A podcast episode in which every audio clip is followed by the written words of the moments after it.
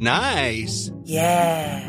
What you're hearing are the sounds of people everywhere putting on Bombas socks, underwear, and t-shirts made from absurdly soft materials that feel like plush clouds. Yeah, that plush. And the best part? For every item you purchase, Bombas donates another to someone facing homelessness. Bombas. Big comfort for everyone. Go to bombas.com slash ACAST and use code ACAST for 20% off your first purchase. That's bombas.com slash ACAST. Code ACAST.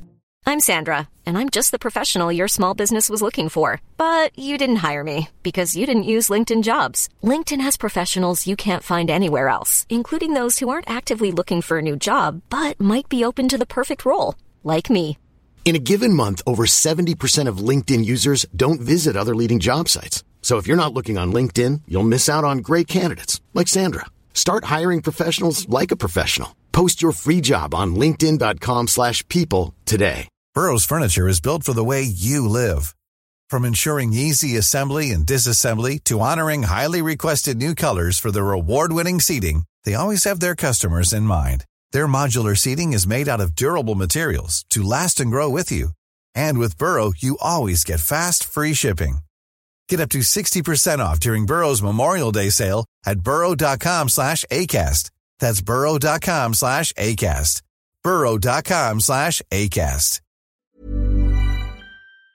Idag har vi äran att välkomna tillbaka en kär gammal vän som vi har samarbetat med, ja, med till och från i över fyra år nu, som vi vet gör en enorm skillnad, nämligen Läkarmissionen.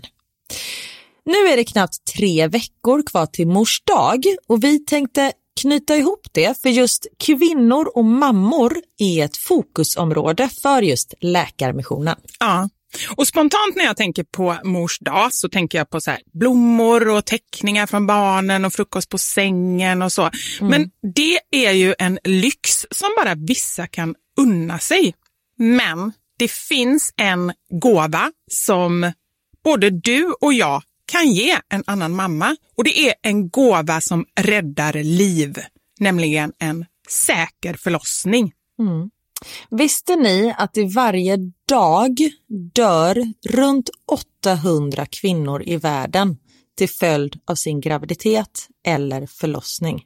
Alltså inte varje år, utan varje dag. Det är Ja, men det är helt oacceptabelt och särskilt när man vet att nio av tio dödsfall skulle kunna undvikas om de bara hade fått rätt vård. Och det är här som vi i vår poddfamilj, för jag, jag ser faktiskt oss, alltså ni lyssnar och mig och Vivi som en stor familj. Ni vet ju typ mer än mig än vad Niklas vet. och, ja, men det är det här som poddfamiljen kommer in i bilden. Och vi har en målsättning, och det är lika bra att säga det nu, men vår målsättning är att få in 500 nya månadsgivare till Läkarmissionen fram till mors dag. Och för det så behöver vi er hjälp. Och 500 månadsgivare, det kan ju låta lite då med tanke på att vi har 78 miljoner lyssnare. Men den sorgliga sanningen är att det är svårt att få månadsgivare. Det är många som känner att de vill hjälpa till men sen så kommer man inte till skott. Man kanske glömmer av det. Jag vet själv hur det kan vara. Och så tänker man så här, nästa månad ska jag göra det. Men så blir det aldrig av. Så vårt mål är att ni ska se det här som ett tecken på att nu är det dags. Och för att det kanske ska bli lite lättare så har vi en gåva till er som blir månadsgivare. Just nu, så länge laget räcker, så får du ett Mom Wow-armband som gåva när du blir månadsgivare. Det är ett superfint armband som eh, Vivi har tagit fram tillsammans med hennes kollega. Och du kan välja mellan guld eller silver. Så du ger alltså en mors dagpresent som räddar liv och får en fin gåva till dig själv eller till någon annan mamma du tycker om. Gå in på läkarmissionen.se vara sanningar, alltså lakarmissionen.se vara sanningar och bli månadsgivare idag. Ja, så pausa podden och gör det nu. Det tar typ två minuter. Sen fortsätter du lyssna och känner värmen av att gjort något gott sprida sig i kroppen. Tack Läkarmissionen. Vi har även den här veckan ett samarbete med Rusta. Ja, det har vi. Och sist så pratade vi om deras gigantiska utbud när det kommer till saker som man kan pynta och piffa uteplatser med. Och Karin, nu har jag några nyheter till dig. Wow! Nu har jag nämligen, ja men på riktigt, Jag är helt chockad över att jag har nyheter. Exakt! Lyssna på det här. Min lilla balkong, du har ju sett den, den har ju varit totalt kal Ja. i de två åren som vi har bott här. Mm. Nu, nu är den inredd. Allt från rusta och den har blivit så fin. Det är kafébord, två stycken jättefina korgstolar. Jag har en så här lite härlig matta som gör att det känns mer ombonat. Ett insynsskydd där jag har hängt upp såna här solceller och en sak som jag inte ens visste fanns men som har blivit så himla fint. Dekorationsställning heter det. Låter lite konstigt. Vad är Men det? det är liksom som en ställning som man sätter ovanför bordet. Man sätter alltså fast den på sidan och så är det som en gardinstång högst upp. Nu förklarar jag jättedåligt känner jag. Jag förstår ingenting. Jag får komma hem till dig och titta på din rusta inredda balkong helt enkelt. Nej men lyssna nu.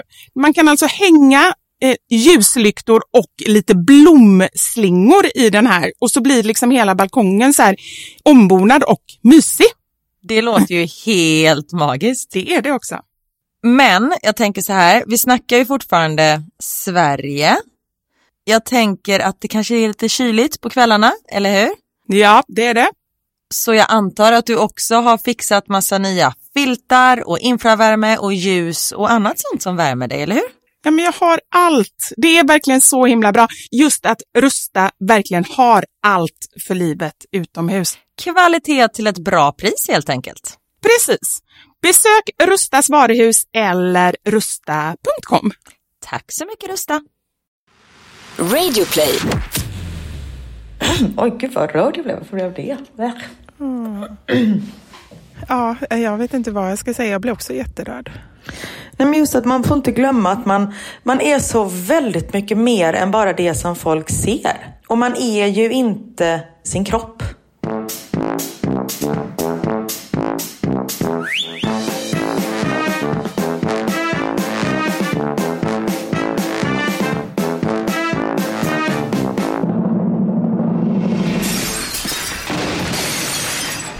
Mamma Sanja med Vivo Karin. Älskade, älskade Vivi. Ja, älskade Ja. Karin. Du är så långt borta nu för tiden. Jag vet, men om två veckor då syns vi. Då kommer vi sitta face to face. Och då blir du aldrig av med mig sen. Nej, och du det är samma här. Jag ska ju flytta in till dig. Just det, jag har inte sagt det. Får jag bo hos dig i två veckor när jag kommer till Stockholm?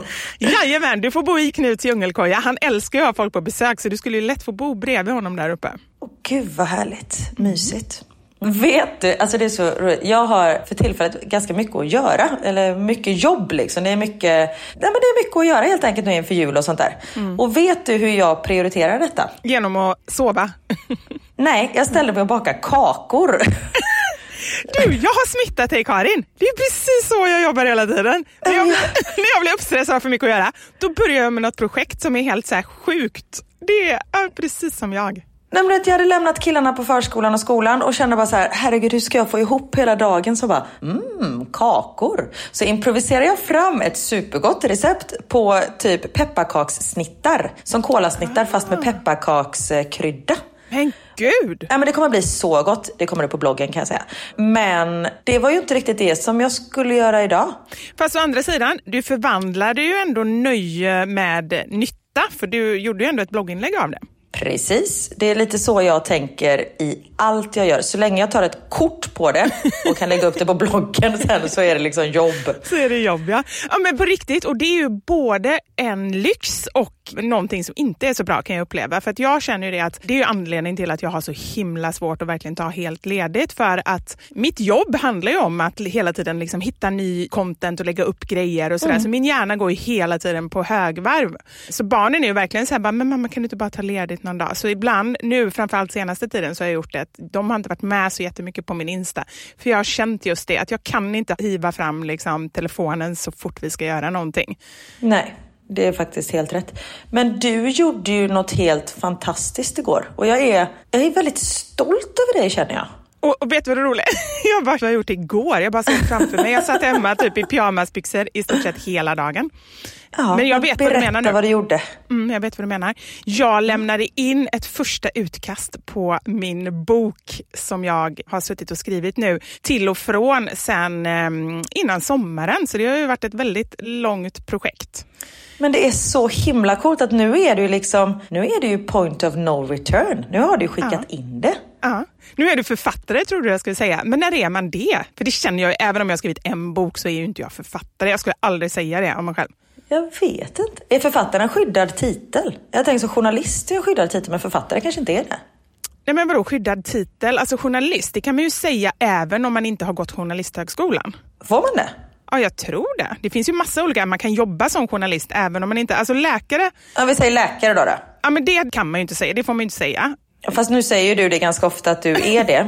Eh, Fast jag säger också ganska ofta att jag är en mytoman och ljuger. det är sant. Det är sant.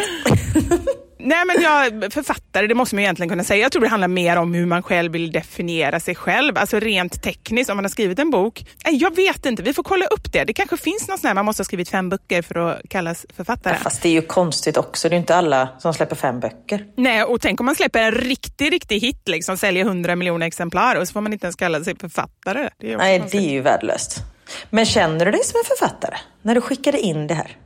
Nej, men faktiskt inte. Alltså så här, jag är väldigt stolt över mig själv och jätteglad. Jag har inte fått någon feedback, så jag börjar också så här, man skulle ju ändå vilja få något sånt där tummen upp tillbaka. Fast du skickade ju in det för typ 12 timmar sedan. Ta det lugnt. Jo, men man kanske ändå vill ha så här, ah, men det här, nej, för det är sant, det hinner de ju inte se så snabbt. Jag vill ju ha så här auto-reply med en gång bara, fantastiskt, det här tar vi, nu kör vi. Kommer imorgon. Men har du fått liksom, de ska publicera det? Ja, alltså, det är klart alltså- att det kommer bli en bok. Eller är det så här, vi läser och så får vi se? Nej, nej, nej, nej, inte så, utan de har hört av sig till mig. Men sen vet jag ju inte, alltså de vet ju inte hur jag skriver, så det kan ju hända sen när de ser det bara, hur ska vi ta oss ur det här? Men jag har ju skrivit på ett avtal och sådär, så att, eh, det, ja, jo, det är nog tanken att det ändå ska bli en bok. Så det känns jätteroligt och också lite nervöst, för att jag känner att jag jag är ju ganska öppen av mig och liksom så här, jag har inga problem om att prata om, om mina erfarenheter och så här, peppa och stötta och sådär. Men har inte riktigt haft ett forum för alla delar. För det kan ju bli så här, nu med podden har jag ju fått mycket mer så att jag kan prata djupt jämfört med Instagram till exempel. Men det blir ju ännu ett steg att skriva en bok. För då blir det också någonting som är bestående. Podden, det kan man lyssna på och så bara, vad sa hon nu igen? Alltså vi vet ju inte ens själva vad vi säger. Precis. Nej, gud nej. Vilket kan vara bra. Ja, Att då, vi har ju liksom ingen ångest för någonting vi har sagt, för vi kommer inte ihåg vad vi har sagt. Det är helt sant. Men vet du vad som slog mig? Det har ändå så här, några gånger så här slagit mig att våra föräldrar lyssnar. Jag har flera av mina kompisar vars män nu har sagt att de börjat lyssna. Och du vet när vi bara pratar om shishittor och vad som har hänt eh, när jag mensade ner eh, fåtöljen och psykologen och sådär. Så bara ser jag framför mig hur att liksom de har suttit och lyssnat på det. De får ju en helt annan bild av det. Det är samma Ja. sak när jag pratar om min och min mans sexliv inom citationstecken. Så jag vet ju att pappa lyssnar ju på podden varje vecka samtidigt som han förstår väl att vi har haft sexuellt umgänge, jag och min make, åtminstone två gånger. Eller han vet ju tre för att jag har varit gravid tre gånger. Så ehm, Men nu får han reda på att Ja. det kan bara två gånger till. nej, pappa, det har aldrig skett. Ja. Nej, men det är bra. Jag tror att det är nog kanske vår räddning, att vi ändå är lite så här att dels känner jag i alla fall att jag vill så himla gärna. Jag tycker att det är så viktiga ämnen, många av de här sakerna och framförallt när jag känner att Verkligen. det här är jobbigt, då känns det ännu viktigare för att då vet jag att det är många andra där ute som sitter och också tycker att just de här grejerna är jobbiga. Men man behöver kanske inte tänka att ens kompisars män lyssnar. Mm, nej, men tror du att dina kompisars män kommer läsa din bok? Nej, kanske liksom eh, plocka godbitarna, eller godbitarna, men liksom läsa vissa kapitel. godbitarna. Ja. Det kommer inte handla så mycket om... Eh, Du bara, sida 17, oh, det Ja. är en godbit. ja, precis. Nej, men där tror jag nog att det är mer är kvinnor som kommer läsa. Men vem Ja. vet, jag har blivit förvånad förut. Faktiskt. Och den kommer ut som en till mors dag, va? Ja, jag tror det. Nu börjar de diskutera fram och tillbaka här. Det är väl så vara stor författare. Att eh, de håller på här med utgivningsdatum. Jag vet inte exakt, men eh, någon gång vår, sommar tror jag den kommer. Hur stressad blir du om de bara, du vi kör nu till jul istället. Om du bara kan rappa på lite. Om du bara kan rappa på. Då kan jag säga att då hade jag fått tillbringa resten av dagen på toaletten. Jag har ju redan på riktigt, jag har faktiskt sömnsvårigheter nu. Det här är inte bra. Jag känner att jag har varit inne i en period nu de senaste två veckorna som inte varit bra för mig. Jag har fått så här, dålig hy, sömnsvårigheter för att jag har varit alldeles för stressad. Men målsättningen Oj. har ju hela tiden varit liksom, nu ska den här in och nu kan jag liksom gå ner lite i varv, är tanken i alla fall. Ja. Nej, men det är bra. Man måste ha. För, äh, du får ta hand om dig. Mm. Det får ju mm. inte gå ut över din hälsa. Det ska ju vara en rolig grej. Ja, men absolut. Jag håller helt med. Men där tycker jag gränsen är svår. När man brinner för mm. någonting. Ja, men det är samma med liksom, mina Instagramkanaler, med vår podd jättemycket. Och liksom sitta och skriva en bok. Det är ju roliga grejer. Mm. Men ingenting blir ju roligt om man har för mycket det spelar ingen roll hur roliga sakerna är. Är det för mycket så går det inte. Liksom. Nej, jag vet. Det är jättesvår balans. Man får inte glömma bort att ta hand om sig själv på andra sätt också, tror jag. Ja. Precis, komma ut ur, för det är väldigt just det här med skärmar, när man bara sitter och bara mm. har grejer med skärmar. För det kan jag känna ibland, så kan jag bara på riktigt känna att min hjärna, det känns som att jag är en burk. Mm, att det liksom, nu är jag avskärmad från verkliga livet. Jag kan liksom inte riktigt liksom känna dofterna, höra fåglarna. Alltså sådär. Jag, klart jag hör dem, men det är som att jag kan inte ta in det ordentligt. Och Nej, Det är lite vet. ett varningstecken för mig att jag är för mycket i min hjärna. Att jag liksom inte tar in med alla sinnen. Och den är ju så rörig den hjärnan också, så där vill man inte vara för länge. Nej men faktiskt. Men du Karin. Ja. Det här är ju faktiskt inget vanligt avsnitt utan det här är ju ett eh, speciellt avsnitt som båda vi två, vi har pratat om det väldigt mycket i telefonen med varandra och vi har sett fram emot det väldigt mycket. Verkligen. Det här är ett avsnitt som vi gör helt tillsammans med DAV. Och vi har ju pratat om DAV innan och gillar dem väldigt mycket och nu har de liksom fått ett helt eget avsnitt skulle man kunna säga. Ja, och det är ju det att de står ju för någonting som vi verkligen kan skriva under på. Mm. De vill ju ändra på hur vi definierar skönhet och bygga självkänsla hos unga. Mm. Och det är ju någonting som, eller jag kan bara prata för mig själv, men både liksom när jag tittar tillbaka på min ungdom och hur jag kände och hur det har påverkat mig, även resten av mitt liv. Och nu när man själv har barn och vet att, alltså jag tycker att det är på riktigt superstressande att ha så bra liksom insikten då i det här med självkänsla och hur viktigt det är, men ändå inte ha haft riktigt rätta verktygen. Eller det kanske man har haft, men man har inte riktigt fått bevis på det, Nej. känner jag. Så därför känner jag att det känns jättebra nu att faktiskt, DAV har ju en guide som man kan ladda ner och skriva ut eller ha på sin eh, dator eller padda som heter Jag är unik mm. och då är en vägledning för föräldrar om kroppslig självkänsla. Och både du och jag har ju läst igenom den här guiden såklart. Och vissa saker var liksom så här, de kunde man skriva under på direkt att så här, det är en självklarhet att det är så. Men vissa saker, jag blev liksom chockad av att läsa den här guiden men också att det kändes så här, men gud vad bra att jag fick den här informationen. Som till exempel att ungdomar idag nås av 5000 reklambudskap. Ja, och nu säger du bara 5 000. Du måste ju säga 5 000 varje dag. Precis. Ja. Det är ju helt sanslöst. Och många av de här innehåller ju dolda men också liksom synliga kroppsliga budskap. Och det vet man ju, alltså modeller, de är ju inga vanliga människor. Det är ju inte så där en vanlig människa ser ut. Men det är ju det som man tror när man ser de här kampanjerna och bilderna och reklamerna liksom. Och det som jag har tänkt just gällande det är ju så här, för min första känsla är så här, okej okay, jag, måste, jag måste stoppa det. Jag måste stoppa den här informationen liksom. Men det inser jag ju ganska snabbt att det går ju inte att göra. Man kan säkert Nej. påverka lite genom liksom vad man väljer att de får titta på och liksom sätta olika filter och lite sådär. Men det man verkligen kan göra någonting åt det är ju förebygga hur de tar emot de här budskapen. Att verkligen jobba på deras självkänsla. Precis, att man rustar dem för det här. Mm. Tycker du att nu som vuxen att du har bra självkänsla? Det är jätteintressant att du frågar det, för jag går ju hos en psykolog, det har jag berättat om. Ah, det vi har redan pratat om det. jag bara, har jag berättat det innan var min första tanke, sen kom jag på menshistorien. Nej, men det vi har börjat att prata om är just dels anknytningen, för enligt, hon jobbar ju både så KBT men också så här psykoanalytiskt som handlar mycket om så bakgrunden till varför man är som man är idag och där också kunna jobba med att bryta vissa mönster som man har. Mm. Så vi har pratat väldigt mycket om anknytningen och tydligen då, för jag fick göra ett test och då kan man få olika så här, vad man har för anknytning, om man är en trygg person eller otrygg eller om man är så här, det heter olika saker, jag kommer inte ihåg, men om man är liksom lite mer så här, orolig av sig eller lite klängig eller lite sådär. Och då var hon så här, bara ta det första som kommer upp i ditt huvud. Så det var det jag svarade. Det är ju inte eh. bra. Du bara, Bulle! Hon Hallå? bara, va? det var inte ens något av alternativen.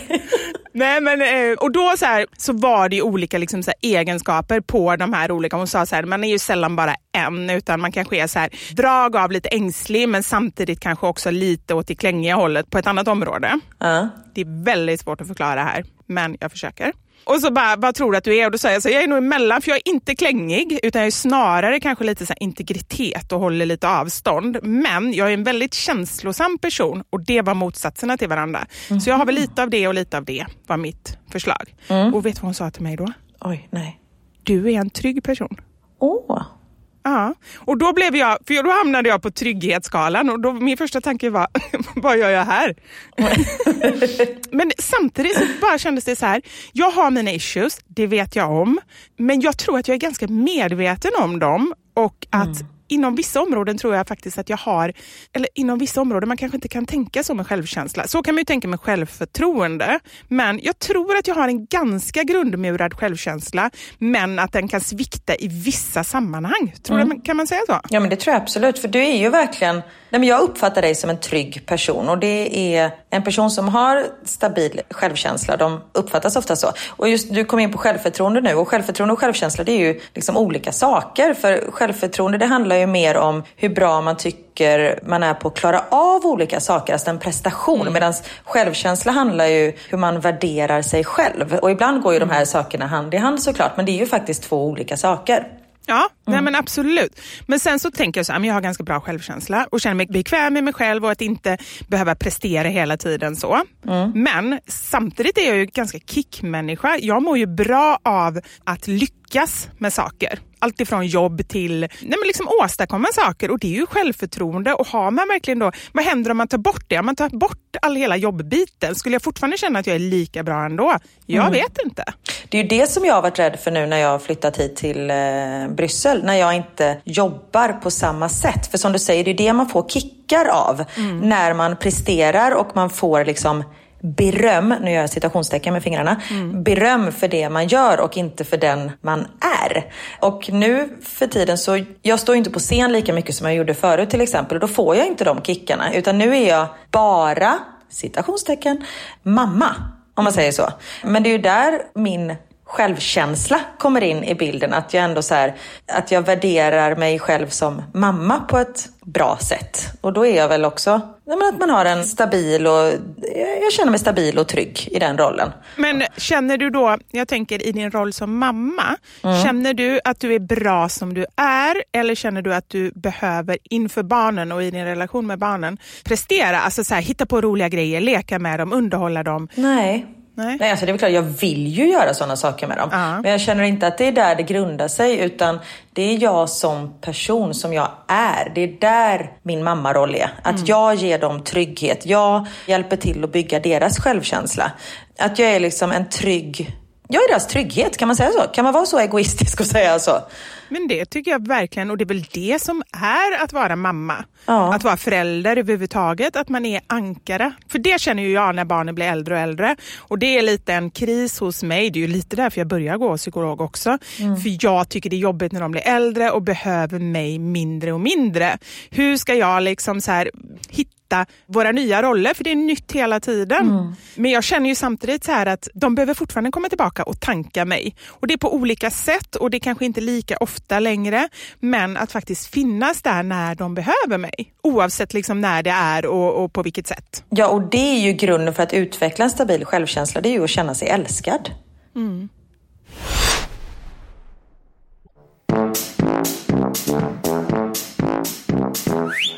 Ja, men det, alltså jag tycker att det här är så intressant. Och det som är jätte, jätteintressant det är ju att inom kort, så, alltså då pratar vi om några minuter, så kommer vi få besök av en psykolog. Ja, Maria kommer hit och vi frågade ju er, våra följare, i våra stories igår, vad ni har för frågor kring kroppslig självkänsla och era barn. Hur man pratar om självkänsla och hur man kan bygga den och allt runt omkring. Och Vi har fått in väldigt, väldigt många frågor så att vi kommer att eh, ta upp så många vi bara hinner och kan med Maria.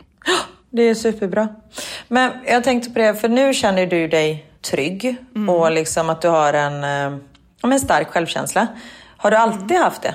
Nej, det kan jag faktiskt inte säga att jag alltid har haft. Ja.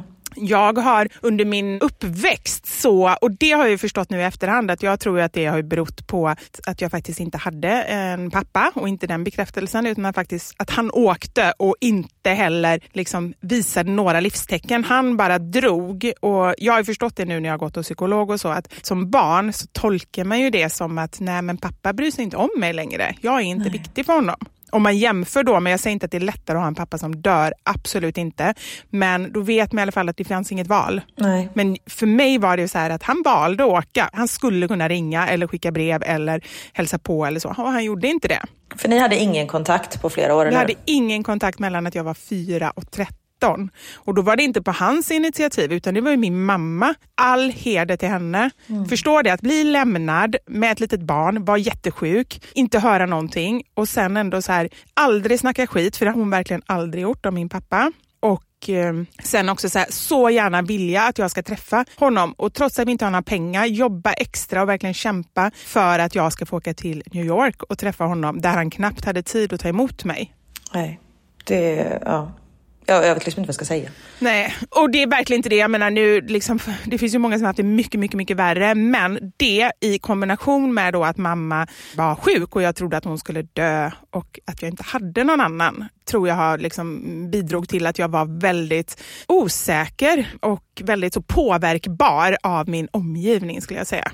Men tänk vilken fantastisk människa du har blivit och vilken trygg människa du har blivit trots den uppväxten. Nu menar jag inte att du har vuxit upp i rännsten, för det har du verkligen inte gjort. Du har haft en mamma som har älskat dig och gjort liksom allt för dig.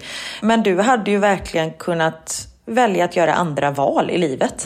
Ja, ja, men så är det ju verkligen och det har jag tänkt på mycket. Och jag har funderat mycket på så här, hur kommer det sig att jag ändå, för att om jag tittar på min, så här, mitt högstadium som jag berättat om utsågs till Sveriges sämsta gymnasium, både betygsmässigt och liksom lärarmässigt och sådär. För att det var verkligen så här, en förort där i stort sett alla mina kompisar hade skilda föräldrar, papporna fanns inte med i bilden, det var mycket problem med alkohol och även droger och liksom sådär.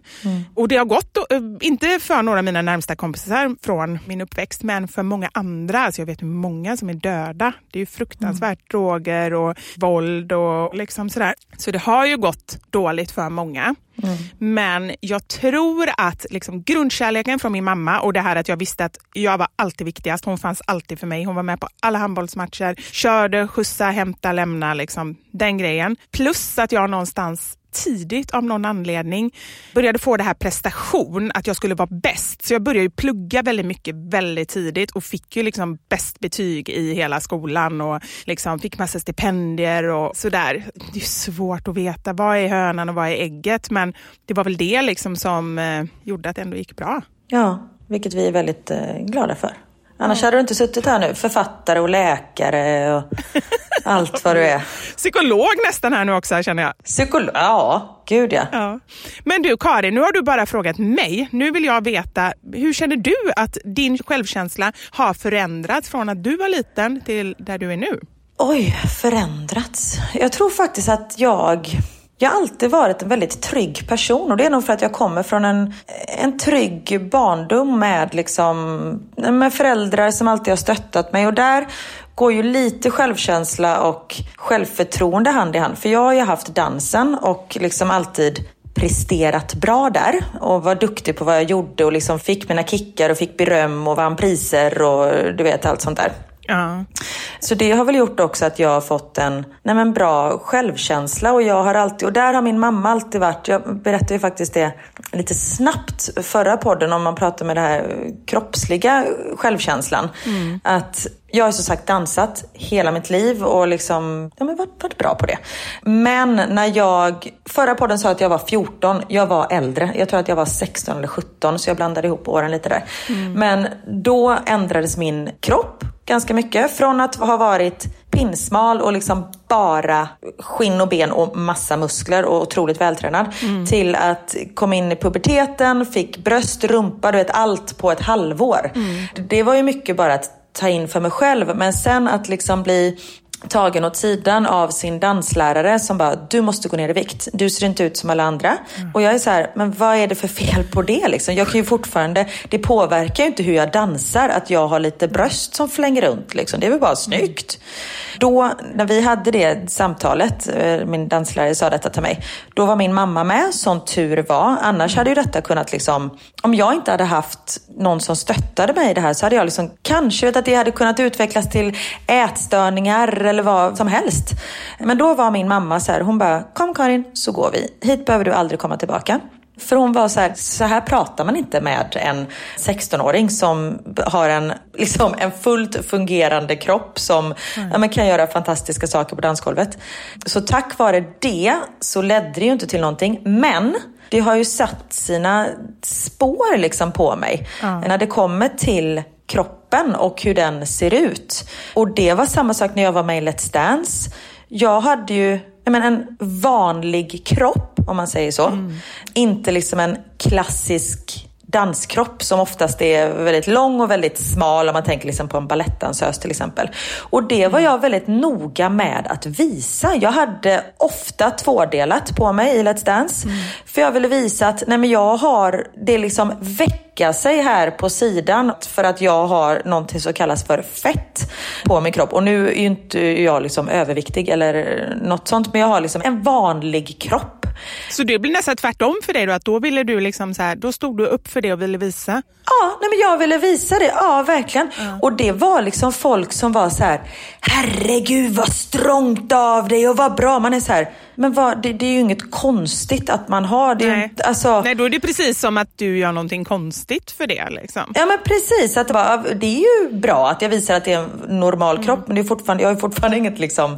Jag, jag kan inte formulera men förstår du hur jag menar? Mm. Ja. Fast det tycker jag, är inte det konstigt? För det kan jag verkligen tänka på. Det gäller ju egentligen all typ av information och liksom reklam och sånt där som man matas med. För jag kan, nu för tiden säger jag aldrig så här att nej, jag skulle aldrig ha på mig um, foppatofflor med strumpor i. Alltså det är klart att jag inte tror att jag kommer på med det. Men jag kan inte säga aldrig. Nej. För matas jag tillräckligt mycket av att det är så det ska se ut just nu. Helt plötsligt så tycker jag på riktigt att det är snyggt. Jag vet. Alltså det har hänt så många gånger med inredning och sådär. Alltså tänk bara så här, rotting. Alltså bara för några år sedan, bara, alltså det är ju inte snyggt. Sådana här stugpaneler. Mm -hmm. Helt plötsligt så blir det inne och så bara sitter man där och bara, ja ah, men det är riktigt snyggt. Ja. Och så tycker jag att det är med kroppen och mode och sådär också. Mm. För tänk dig, jag bara tänker så här, men så är det superinne att vara jättesmal, ja men då tycker man att det är det man vill vara. Och sen kommer det här med liksom Kim Kardashian och sådär med stora rumpor och liksom byst och sådär. Och då är det det som är snyggt. Ja. Så att det är egentligen så här, man förstår då också hur mycket man påverkas och man kan ju tänka sig då med barn och ungdomar, mm. när det blir något särskilt mode eller när de ser väldigt mycket, att det är klart de påverkas. Mm, verkligen. Och det är ju också att man inte glömmer bort vad ens kropp kan göra. Ja. Att det inte bara är liksom, vad ska man säga, en uh, utseendegrej. För det är ju någonting som, uh, i den här guiden som Döv har tagit fram, så är en av punkterna att man ska liksom tänka på vad just kroppen kan göra.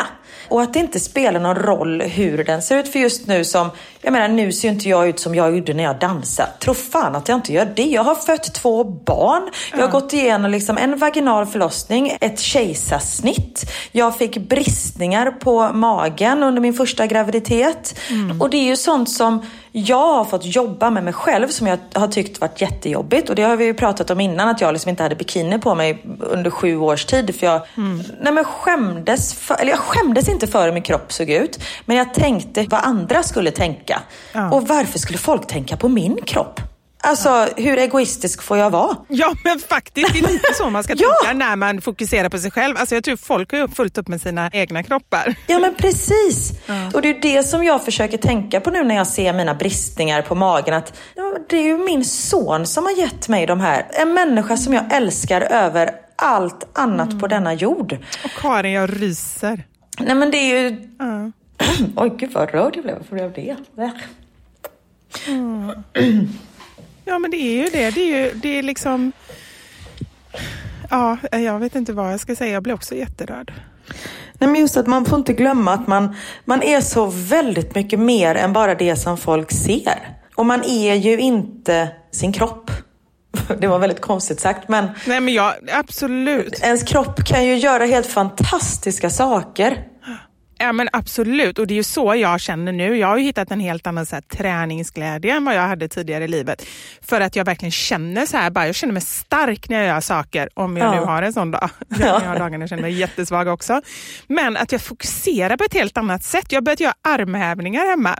Oj. Och det har jag Ja, min eh, kompis kompis, nu hoppas vi att det inte är en sån här jag mötte Lassie, utan att det är på riktigt. Men hon, min kompis säger att hennes kompis hade jätte- jättemycket ont i huvudet och sen så började hon med en armhävningsutmaning med sin dotter och att huvudvärken nästan helt har försvunnit. Så hon Oj. vågar inte sluta göra de här armhävningarna. Och då tänker jag så här, och jag kan tänka mig faktiskt, för tänk nog det blir ett flöde på ett annat sätt. Du vet, man springer, visst man blir svettig, men armhävningar, då får man ju upp blod i huvudet. Jag tänker att det kanske får igång cirkulationen på något sätt. Ja, men det tror jag absolut. Så nu har jag börjat med det. Och jag, det roliga är jag kan inte göra en enda på riktigt vanlig armhävning. Utan jag gör på knäna och jag orkar knappt göra tio. Ja, men det var bättre än ingenting. Ja, det är jättebra. Och jag har ingen liksom, så här, prestation i det överhuvudtaget. Jag mer skrattar åt mig själv för att när jag spelade handboll då kunde jag kanske göra så här, 40 armhävningar, riktiga armhävningar. Vilken skillnad det ändå är. Liksom. Men just det här att liksom, så här, jag klarar av att göra det och jag känner bara hur min kropp jobbar. Och det tycker jag är så fantastiskt. Fokusera på det istället för utseendet. Ja men precis, och det är ju en fördel om man ska prata om utseende. Mina bröst som har börjat hänga ganska mycket efter eh, två eh, barn. Att när man gör armhävningar och de säger gör så att brösten nuddar marken. Perfekt. Jag behöver knappt böja på armarna. De är där nere och touchar. Karin, det är jätteroligt att det finns en sån tävling. Du kommer vinna, du kommer bara så plankan där. Jag bara flaxar så här. liksom, Om någon dunkar mig i ryggen så bara fluff, åker de ner i marken. Ah, Ja. Nej, men just att man kommer ihåg att ens kropp är så mycket mer än ett utseende. Det är, vi kan göra fantastiska saker. Vi har skapat liv båda två. Våran kropp har varit våra barns första universum. Ja, det är helt magiskt när man tänker så. Och det får man inte glömma. Och det är ju det här som Dove vill jobba med. De vill ju ändra på hur vi definierar skönhet. Och vi frågade er som lyssnar vad skönhet är för er. Och alltså vi fick ju hur många fina svar som helst. Till exempel glimten i ögat, personlighet hos en människa, att vara sig själv, utstrålning, ett genuint leende, bekvämlighet. Och ingen av de här svaren vi fick in handlar om hur ens kropp ser ut. Ja, men det är ju ganska talande och så tycker jag att det är också så här, när man tittar på sig själv så är det väldigt lätt att definiera olika saker med kroppen och utseendet. Men om man tänker på att man tittar på sina närmsta vänner, då handlar det ju inte alls om det. Då pratar man ju nästan bara om inre egenskaper. Ja, men precis. Det är inte så att jag umgås med dig för att du har en snygg röv. det är bara ett plus. Ja, det, är bara, precis. det är därför du alltid går efter mig. Alltid. Det har blivit dags att bjuda in psykologen. Det här tycker jag ska bli superspännande. För vi har ju fått in jättemånga frågor av er gällande det här med barnens självkänsla och kroppsliga självkänsla. Så välkommen hit Maria Laloni. Tack. Uttalar ditt efternamn rätt? Du har helt rätt. Ja, vad bra. Väldigt fint efternamn. Gud, vilket snyggt namn. Ja, Fantastiskt. eller hur? Det Ja. känns som så här tusen och en natt. Ja, lite så. Ja. Jag kom i kontakt med dig via ditt eh, Instagramkonto som heter Vad alla föräldrar borde få veta. Och ni har ju precis, du och din kollega Kajsa, släppt en bok med samma namn. ja. Om du bara ska säga kortfattat, vad handlar den boken om? Den största delen av boken handlar faktiskt om att göra barn motståndskraftiga. Alltså rusta dem för livet. Och det är ju mycket samman, det kan man koppla mycket till självkänsla förstås. Och sen handlar det också om hur man kan hantera olika vardagssituationer med hjälp av ja, psykologisk kunskap. Ja, men jättespännande för jag följer ju er också på Instagram och tycker att det är väldigt många så här vardagspåminnelser och jag gillar hur ni lyfter, precis som du säger, olika situationer och hur liksom så här man kanske instinktivt reagerar och sen kanske hur man kan jobba med hur man reagerar. Det tycker jag är jättebra för då blir det så här konkret. Ja, ja men vad roligt. Vi följer ju er båda också vad och kul. gillar er mycket. Yes! Karin i Bryssel, hon blir glad då. Tack. Ja, jag blir jätteglad. Tack. Nej, men att det kommer ju bli nu med de här frågorna, kommer det också bli lite så här, konkreta frågor och eh, många som kanske vill ha också så här, konkreta svar. Så jag tycker vi kör igång med frågorna nu. Ja, absolut. Har du någon att börja med Karin? Vi kan ta en, eh, en fråga som jag fick in den från många. Hur ger man barnen bra självkänsla när man själv aldrig har haft det? Det är ju en jätte, jättebra fråga. Och jag tänker nog att det egentligen inte är så att man behöver nödvändigtvis känna att man har en jättebra självkänsla för att kunna ge det till sina barn. Även om det säkert kan underlätta, att det är lättare då. Men det finns ju jättemånga saker som man vet att man kan göra som förälder som liksom rustar barnen med en god självkänsla. Och det kan man ju göra oavsett hur man själv känner att ens självkänsla är. Och exempel på sådana saker som man har sett är ju att värme, alltså kvaliteten av värme i relationen mellan föräldrar och barn är något av det mest centrala. Alltså Och när du säger värme, Ja. då undrar jag med en gång. Först tänkte jag bara att man ska kramas mycket. Så det, är liksom, Ja. det är inte det du menar eller?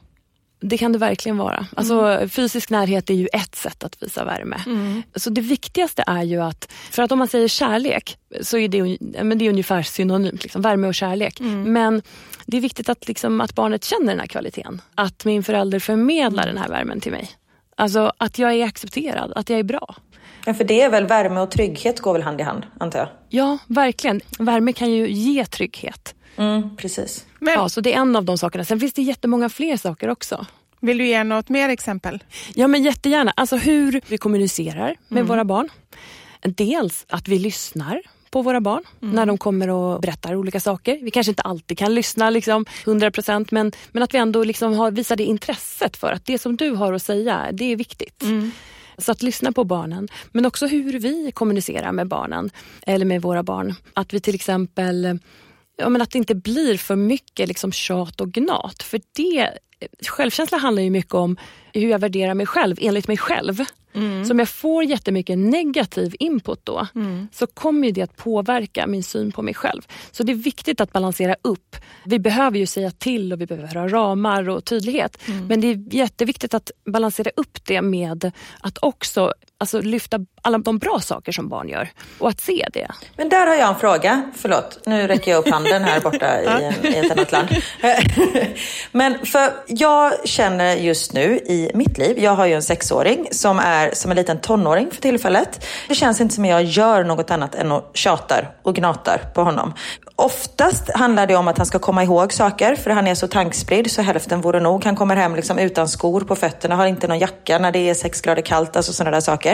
Och hur ska jag göra då för att väga upp det? För det är vissa saker som jag måste säga. Jag måste ju tjata på honom att han ska ha en jacka på sig när det är kallt. Ja, Eller?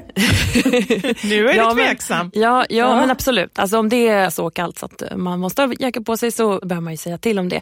Eller så känner han när det är kallt att det är kallt och så sätter han på sig en jacka. Så att man ser Det är ju det han inte gör. Nej.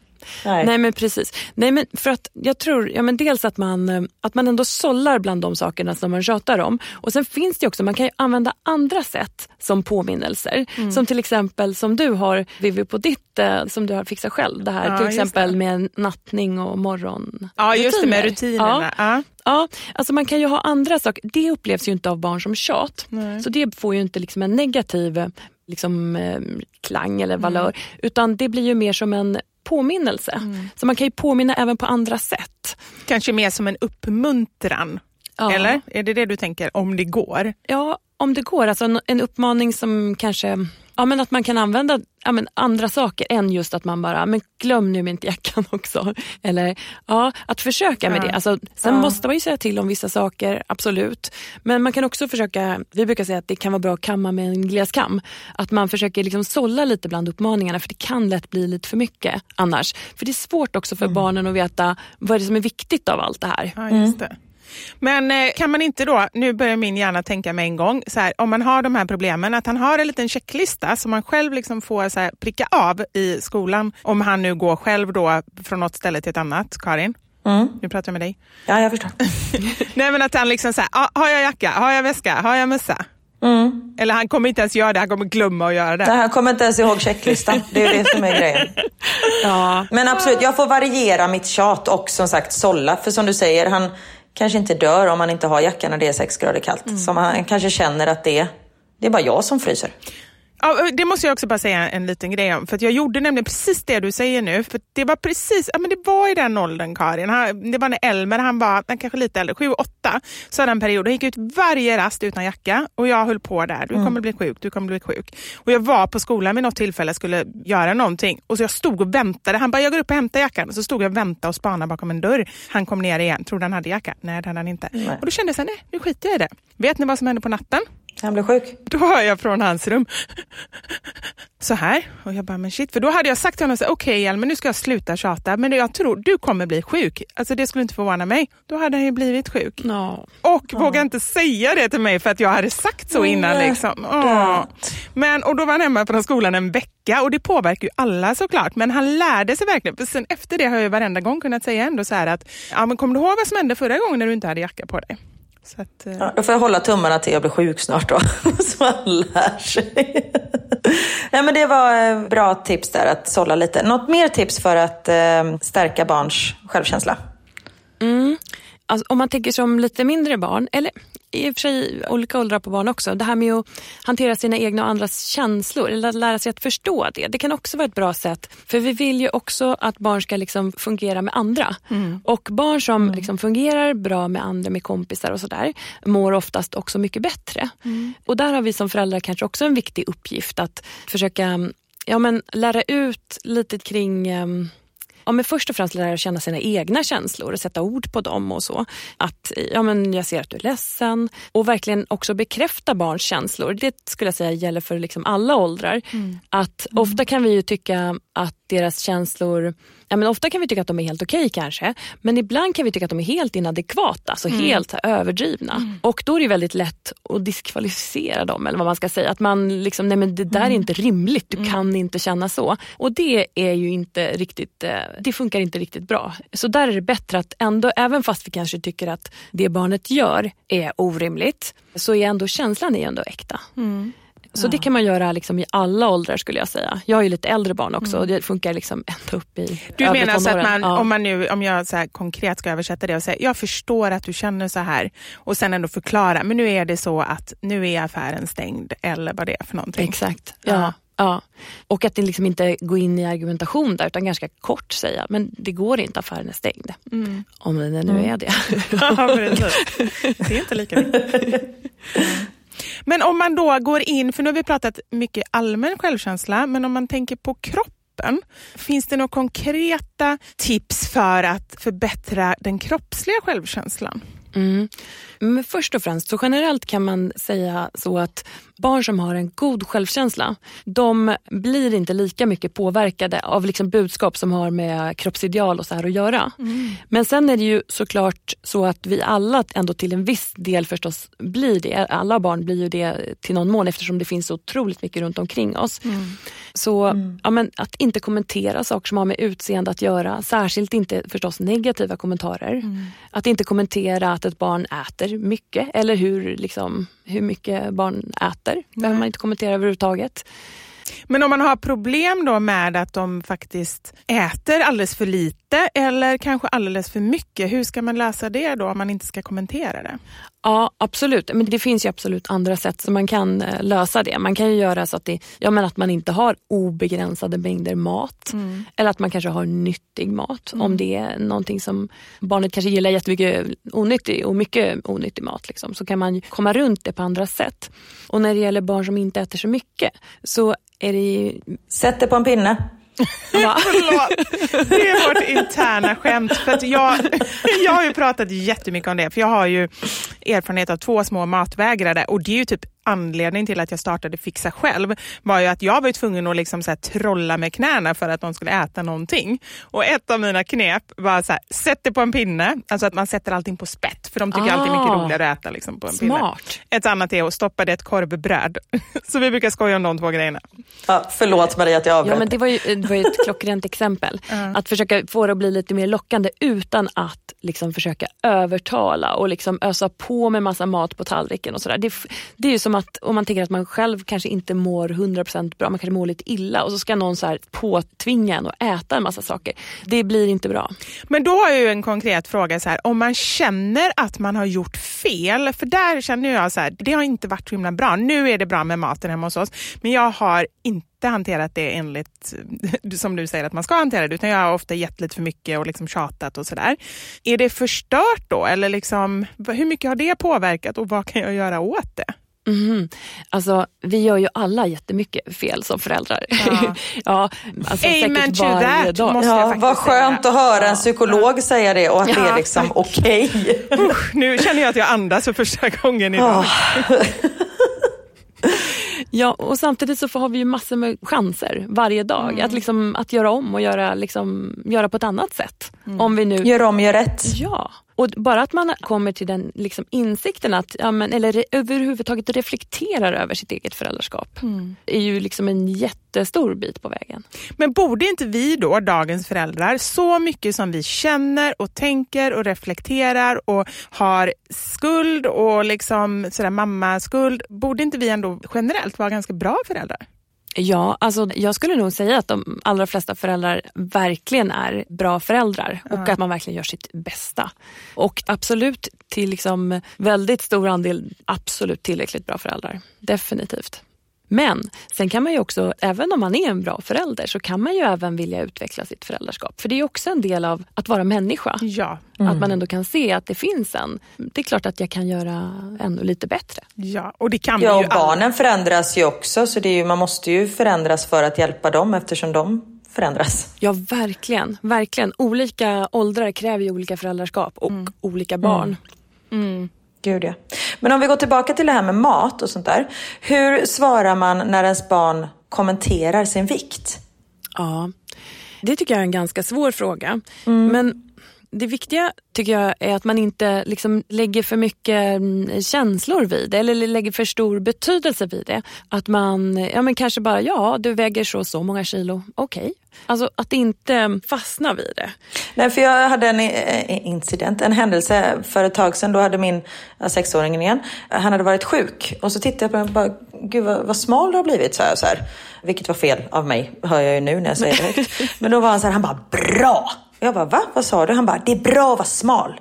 Jag bara, men Theo, sluta. Du, du är helt perfekt som du Alltså det är så här, det spelar ingen roll hur du ser ut. Jag tyckte det var så svårt att liksom ta mig ur den situationen och möta honom med vad han tyckte. För man vill ju bara förmedla att alla är unika, alla är exakt lika mycket värda. spelar ingen roll hur man ser ut liksom. Mm. För eh, jag skulle tycka det var intressant att höra varför han tänkte sådär. Eller liksom varför han tyckte att det var bra att vara smal. Det var ja, intressant Ja, ändå. Förmodligen har jag ju fått höra det då. Ja, nej men precis. Och jag, nu ska jag inte säga att han absolut inte har fått det från mig, för jag är ofta väldigt noggrann med att aldrig kommentera vikt och liksom hur man ser ut och, och sånt. Men det är väl, ja, som sagt, Nej men för jag tänker så att om han skulle, liksom för, det skulle vara intressant att höra lite mer, var kommer det ifrån och varför tycker du att det är så? Och, alltså, det är alltid så här lätt att, i backspegeln bara, men det här borde jag ha gjort. Men, ja, men att resonera med honom lite, varför tycker du det? Och kan man liksom vrida och vända på det lite? Men stämmer det verkligen? Är det så bra att vara smal? Eller um, är det viktigt att, vara liksom, att orka mycket? Eller? Men kan man så här efteråt ta upp det? För det tänker jag så här att man behöver inte alltid säga allt med en gång. Är det bra om Karin nu efteråt skulle säga, du jag tänkte på en sak för några veckor sedan, så sa du så här. Och då ta upp det, vad tänkte du när du sa så? Du sa att det var bra att vara smal, varför tycker du det? Är det bra eller ska man liksom släppa det? Så man inte liksom gör någonting större än vad det är. Mm. För jag tror båda de sakerna skulle kunna funka. Mm. Både att släppa det, om det inte visar sig att det liksom dyker upp igen och igen. Ja. Men jag tror inte att det är liksom dumt alls att ta upp det Nej. heller. För man kan ju visa, det handlar ju om att visa nyfikenhet liksom för sitt eget barn. Och eh, lite hur barnet tänker. Liksom. Jag tror faktiskt att just i det tillfället så var det någonting han bara sa. Ja. För han är väldigt så. Han, nej men han verkar inte bry sig så mycket Nej. och liksom reflektera så mycket över hur han ser ut, vilket jag är väldigt glad över. Ja, skönt. Och då kanske det är bättre att bara släppa det. Ja, precis. En fråga här. Jag har en dotter på tio år som gärna vill följa träning, mat och sminkkonton på Instagram. Men jag har sagt nej då jag vet att hon är osäker på sig själv. Ska jag stå på mig eller ska jag låta henne följa de här kontona? Mm.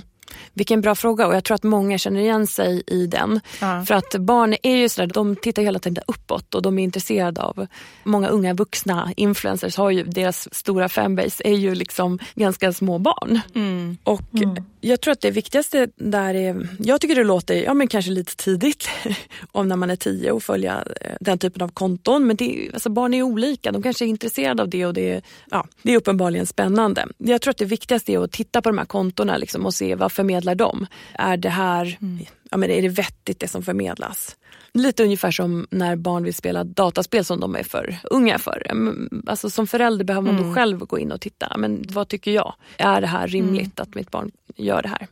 Men jag tycker att det är så svårt, för att det låter jättevettigt det du säger, men så kollar man då så ser man så här, ah, men okej de sminkar sig. Det är någon liksom, tjej i 20-årsåldern som ser jättebra ut och liksom så här, då känner jag så här, även om inte hon pratar illa om sin kropp eller liksom så här, vill banta eller prata om sådana grejer, så är det ju hela tiden det här apropå, liksom, vad sänder det ut då den här att ens egna barn sitter och tittar? Och det handlar ju inte om en kvart då och en kvart då. Vissa är ju så här, vissa barn vill ju se så här, två timmar på såna här saker. Ja. Jag tycker inte att det finns, liksom så här, då vill min magkänsla säga nej. Mm. Och om magkänslan säger nej så tänker jag att då ska man ju absolut gå på det. Ja. Och, alltså, det är så svårt att säga, men när man är tio då alltså, har man ens Instagram. Vissa har ju det, men många, jag vet inte Nej, om men alla- Youtube tror jag Men folk har ju Ja. egna telefoner och sånt där nu Ja, när de är det. sju. Mm. Alltså, det är ju, man, man kan ju inte ha koll på dem hela tiden. Nej, just det. Nej, det är sant. Och Youtube kan de alltid Mm. komma in på till exempel. Ja. ja, nej men visst. Så det är ju svårt också att kontrollera. Men att visa intresse, liksom, alltså försöka komma in i den här digitala världen också lite. Mm. Att, ehm, att försöka få vara med lite där. För vi vill ju ha lite insyn. Med, Lite. Jag vill ha full insyn hela tiden. Karin vill sitta inne i Youtube. Helt plötsligt är det du som sitter och så här packar upp eh, så här unboxing. Bara, det är ju morsan. Ja, och det är generellt sett det är ju bra för barn att föräldrar liksom är involverade och har insyn. Absolut, så det är ju positivt. Det är bara svårare när de glider iväg till sina rum med telefonerna. Ja, precis. Men också att göra klart för dem, så som vi har pratat vid, just att man så här, nej men på Instagram, man vet att den där inredaren som har så fruktansvärt vitt och fräscht hemma hos sig, det tror tusen att det inte alltid ser ut så hos henne. Att man verkligen gör klart för barnen att detta är inte verkligheten. Den här som sminkar sig, hon ser inte ut så hela tiden, utan det är liksom lite spel för galleriet också. Att man gör dem medvetna om det.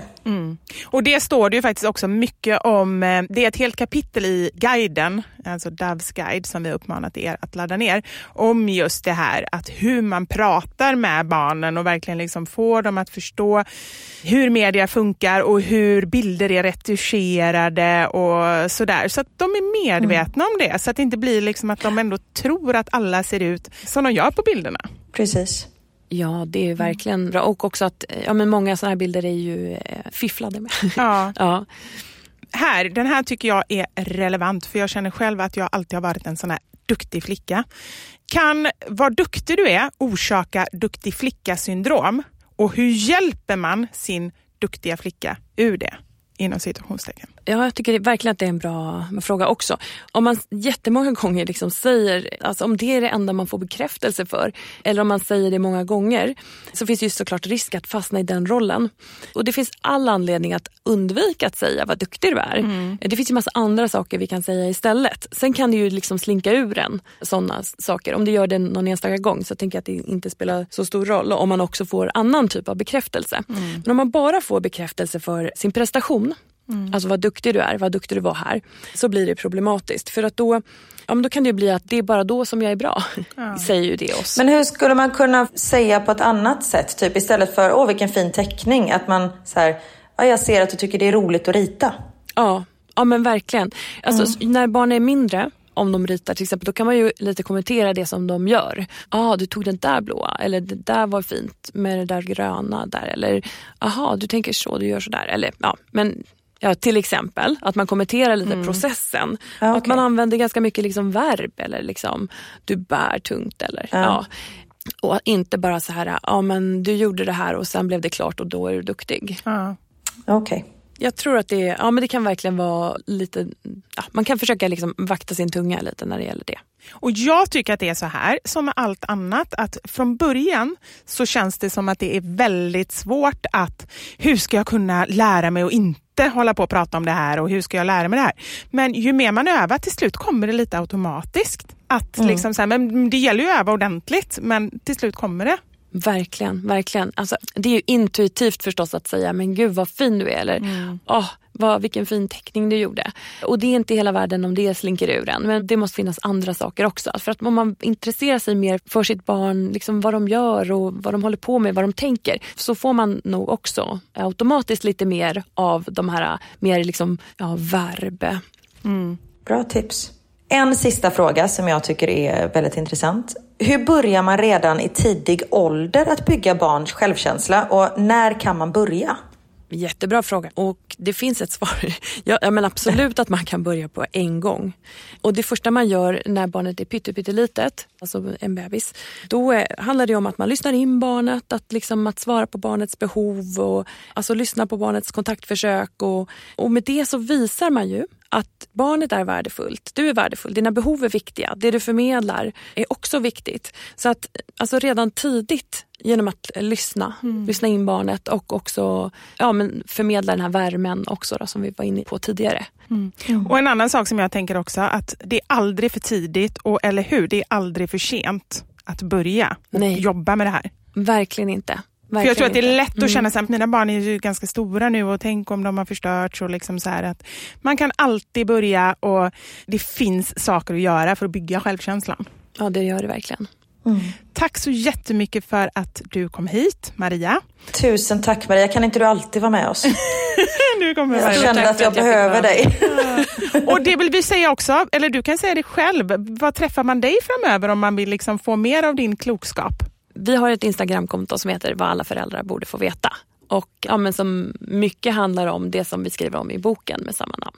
Och det rekommenderar jag er alla att gå in och följa. Så tack igen och tusen tack DAV för att ni har varit med oss. Som sagt var, gå in och ladda ner guiden. Den finns på Dav.com självkänsla. Underbart.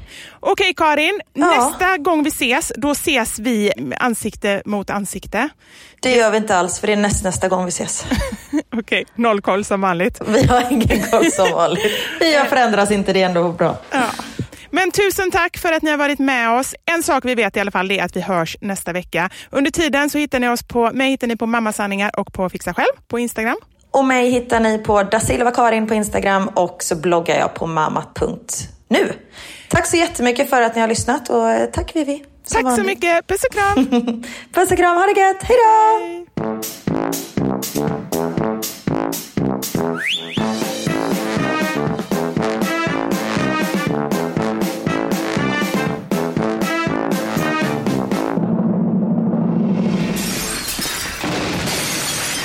Mamma Sanja med Vivo Karin.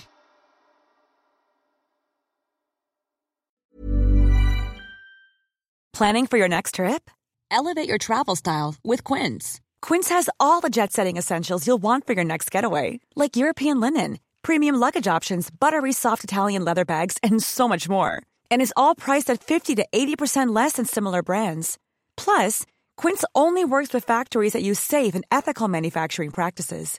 Pack your bags with high-quality essentials you'll be wearing for vacations to come with Quince. Go to quince.com slash pack for free shipping and 365-day returns. Hi, I'm Daniel, founder of Pretty Litter. Cats and cat owners deserve better than any old fashioned litter. That's why I teamed up with scientists and veterinarians to create Pretty Litter. Its innovative crystal formula has superior odor control and weighs up to 80% less than clay litter. Pretty Litter even monitors health by changing colors to help detect early signs of potential illness. It's the world's smartest kitty litter. Go to prettylitter.com and use code ACAST for 20% off your first order and a free cat toy. Terms and conditions apply. See site for details.